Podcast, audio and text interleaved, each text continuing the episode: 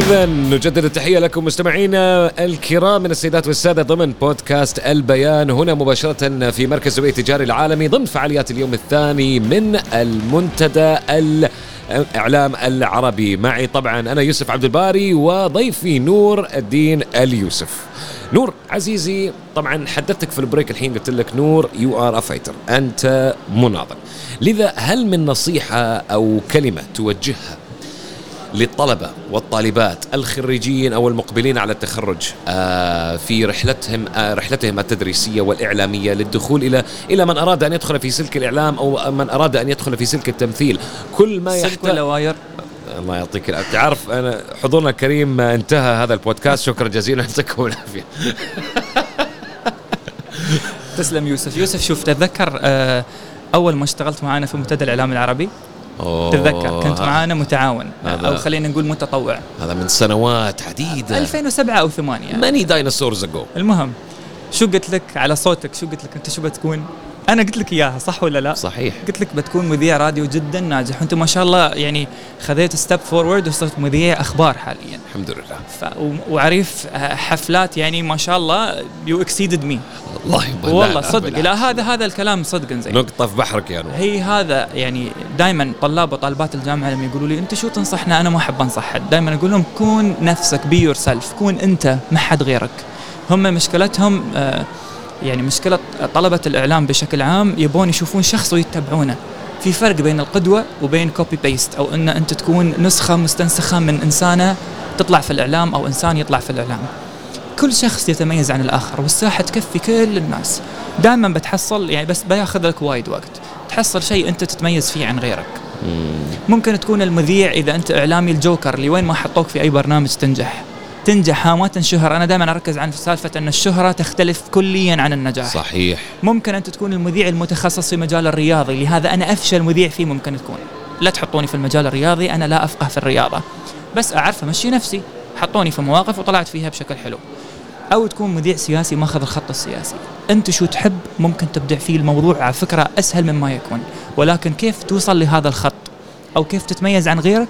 حاول تشوف شيء تحبه في المجال مثلا مثلا أنا ما أحب السياسة كثير ولكن أفهم سياسة. فأنا أعرف كيف أدمج السياسة بالمجتمع وأتكلم عن هذه المواضيع. في برنامج يوم كان في الحرة مثلا. صحيح. فأي شخص ممكن يحصل خطه بسهولة؟ زين نور طيب وماذا عن من يريد أن يكتشف ذاته؟ يعني اسمح لي أعطي لك مثال. في الصغر يوم دشيت الجامعة ما كنت أعرف أي تخصص أدخل. هي. فالوالد جاب ربيعة قال وين دخل يوسف؟ الوالد كان يشوف ولده يجلس على الكمبيوتر يلعب. قال فربيعه إيش يقول لك؟ خليه يستوي مبرمج خليه يدرس computer science. طبعا I've never seen much more F's in my life عندي في في في, في الشهادة. تقديري كان اف في كل مكان بعدين دشيت ترجمة قلت أنا أتكلم بالإنجليزي الترجمة كانت فقط للبنات ما كانت متوفره للشباب. دخلنا إعلام بعد عام 2011 11 بعد ما بعد ما تخرجت واحد من دكاترة عندي في الجامعة الله يذكره بالخير قال لي انت عندك صوت لازم تكون مذيع. يعني إن لم أحط نفسي بناس آه ذكرتني إنه والله في لي مستقبل ما وجدت نفسي. فكيف ممكن للطلبة اللي أنت الحين تقول لي الطالب ما يتبع شخص يحاول يكون نفسه واللي ما اكتشف ذاته كيف يكتشف ذاته؟ أنا بسألك سؤال أنا مع اني ما أحب حد يجاوب سؤال بس ممكن أسألك سؤال. خليني شوي يعني أتجاوز هذا الشيء. قل. أنت هذه التجربة اللي خضتها كثير بالأفات اللي اخذتها إيش كثر تعلمت؟ علمتني شو هي الأشياء اللي أنا ما أبرع فيها. نفسيا أنت كشخص نضجت في هذه التجربة ولا كانت بالنسبة لك ماضية ليت ما ينعاد؟ عادي يكون صريح جدا. آه شوف بداية آه بداية الفشل أنا كنت آه كنت آخذه يعني بإحباط شديد أحسسني بإحباط شديد و وأنا أقول لك يعني في ناس آه سبحان الله ما كان ما كانت تريد الخير من أقرب الناس لي. فكانت تستغل هذا الفشل في إنها تروج لرسالتها أني لا أنفع لشيء. طيب أوكي بس أنت الحين في هذه السنوات اليوم لما تفكر في اللي طاف ما تقول له الم- الم- الماضي مالي ما كان بهذا الشكل ما كنت صقلت هذه الشخصية؟ أنت لو دخلت إعلام من وقت مبكر كنت متأكد أنك بتكون نفس الشخص اللي أنت عليه اليوم؟ لا. ما هو التجربه ابدا. التجربة التجارب الفاشلة تعلمنا والله العظيم. أنا يمكن من أكثر الأشخاص اللي لحد الحين عاطفي جدا وحساس. ممكن أي شيء يزعلني. بطريقه تزعل تزعل. يعني ممكن أنا تأثر علي نفسيا وجسديا.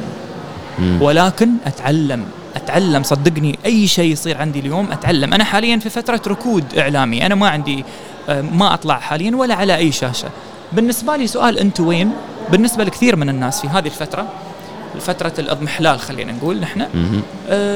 سؤال مؤذي. أنا بالنسبة لي سؤال جدا طبيعي ما عندي أي مشكلة. أقول لهم أنا عا أنا الحين أشتغل في تلفزيون البيت. أنا سيد نفسي أنا متعاون. يوم في برنامج أشتغل يوم ما في برنامج أنا قاعد في البيت أو مسافر. أنت مثل ما تشوفني بيتي صاير الطيارة. بالضبط صح. إذا أنت مرتاح مع نفسك تجد ذاتك لما ترتاح مع نفسك. مش لما تحصل مجال اللي بتدرس فيه ولا بتعمل فيه. عندي واحد من إخواني 11 سنة اللي ما تخرج من الجامعة. خذ راحته. الحين هو مرتاح. وحده من خواتي نفس الشيء. 11 سنة لما تخرجت من الجامعة. هذه الفترة أنت تتعلم فيها كثير صدقني. حتى نفسيا. في ناس يقولون أوه أنا ضيعت وقتي. أنت يوم بتضيع وقتك في شيء تافه ممكن. إذا أنت صايع ما وراك شيء. يعني هاي الكلمة مش مشكلة نستخدمها عادي.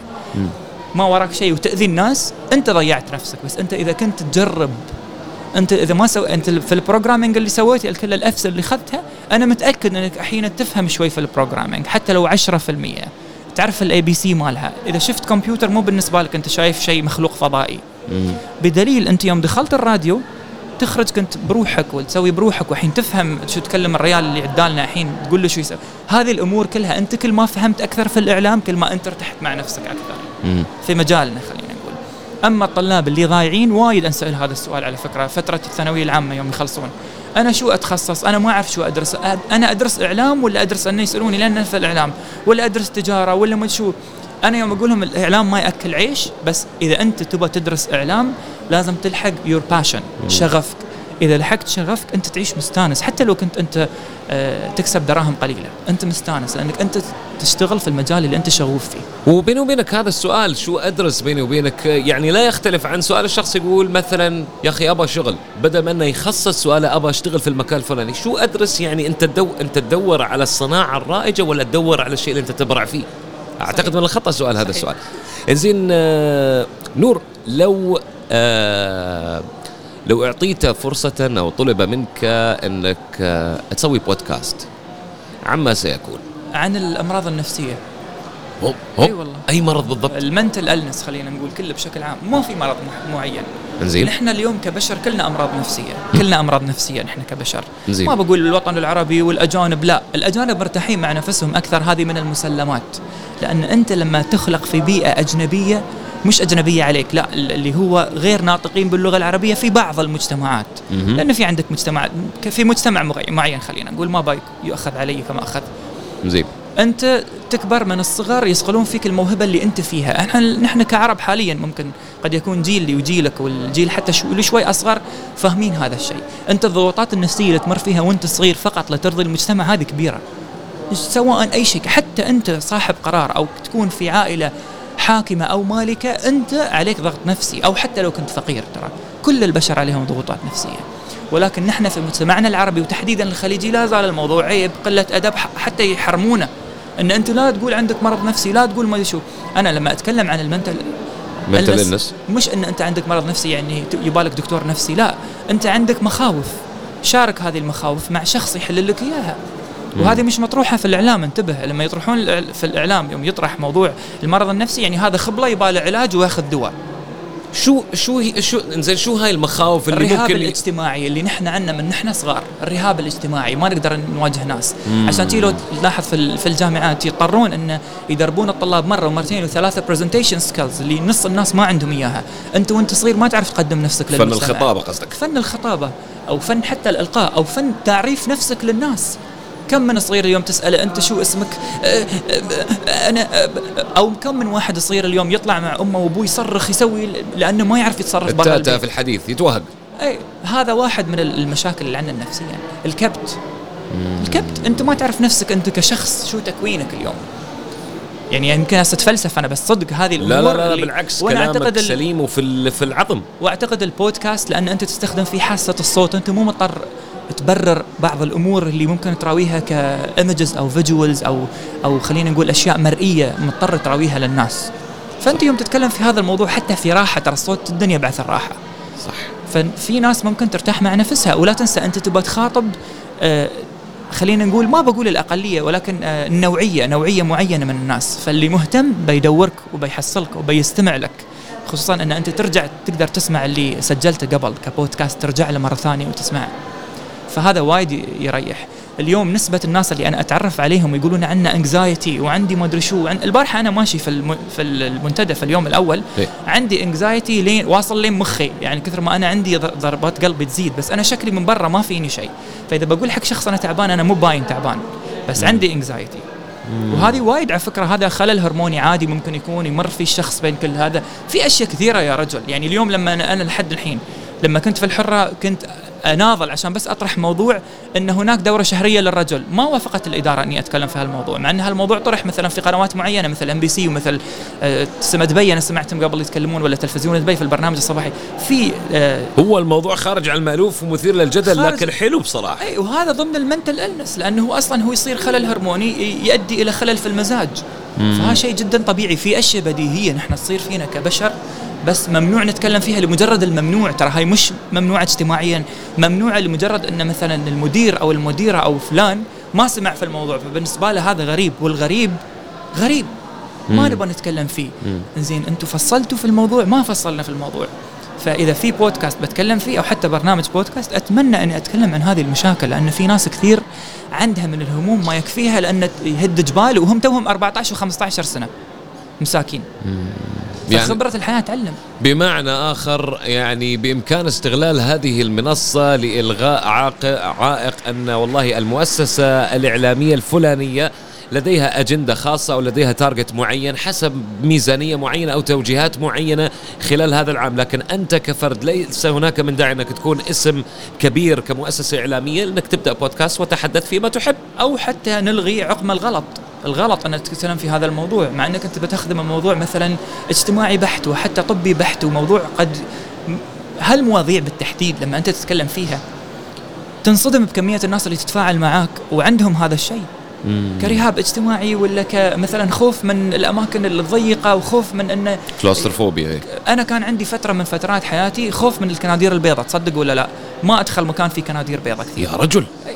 تنصدم ترى على فكره إلا تصنيف هذا؟ أي. ما أدري ما أعرف أنا. التصنيف ما أدري. التصنيف اني أنا ما أعرف ليش خايف من الكنادير ال- ال- البيضاء. أعتقد هو الخوف من الحكم أو آه، getting scared from being judged مثلا. آه okay يعني يحكم عليك مما حولك. okay. مثلا.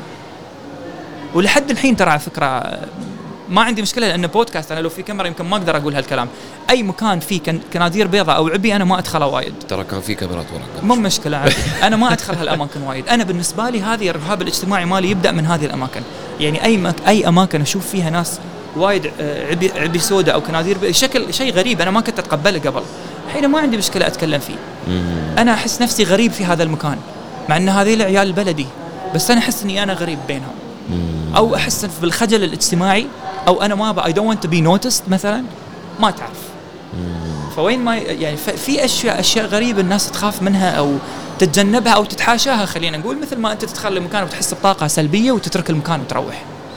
لربما كنا من هذا المكان ولكن فكرنا ليس من هذا الزمان. أخوي نور الدين شكرا جزيلا لك. حضور. مستمعينا الكرام كان ضيفنا ويانا الإعلامي والفنان نور الدين نور الدين اليوسف والفنان ستقرن بالإعلامي دوما. يا نور شكرا لتواجدك ويانا. كان كانت هذا طبعا كان هذا بثنا خلال فعاليات اليوم الثاني من المنتدى الإعلامي العربي في يومه الثاني لعام 2019 من منصة وبودكاست البيان. بإمكانكم متابعتنا مجددا وتحميله بودكاست هذا اليوم عن طريق الموقع الإلكتروني البيان دوت اي اي ووسم هذا البودكاست البيان بودكاست.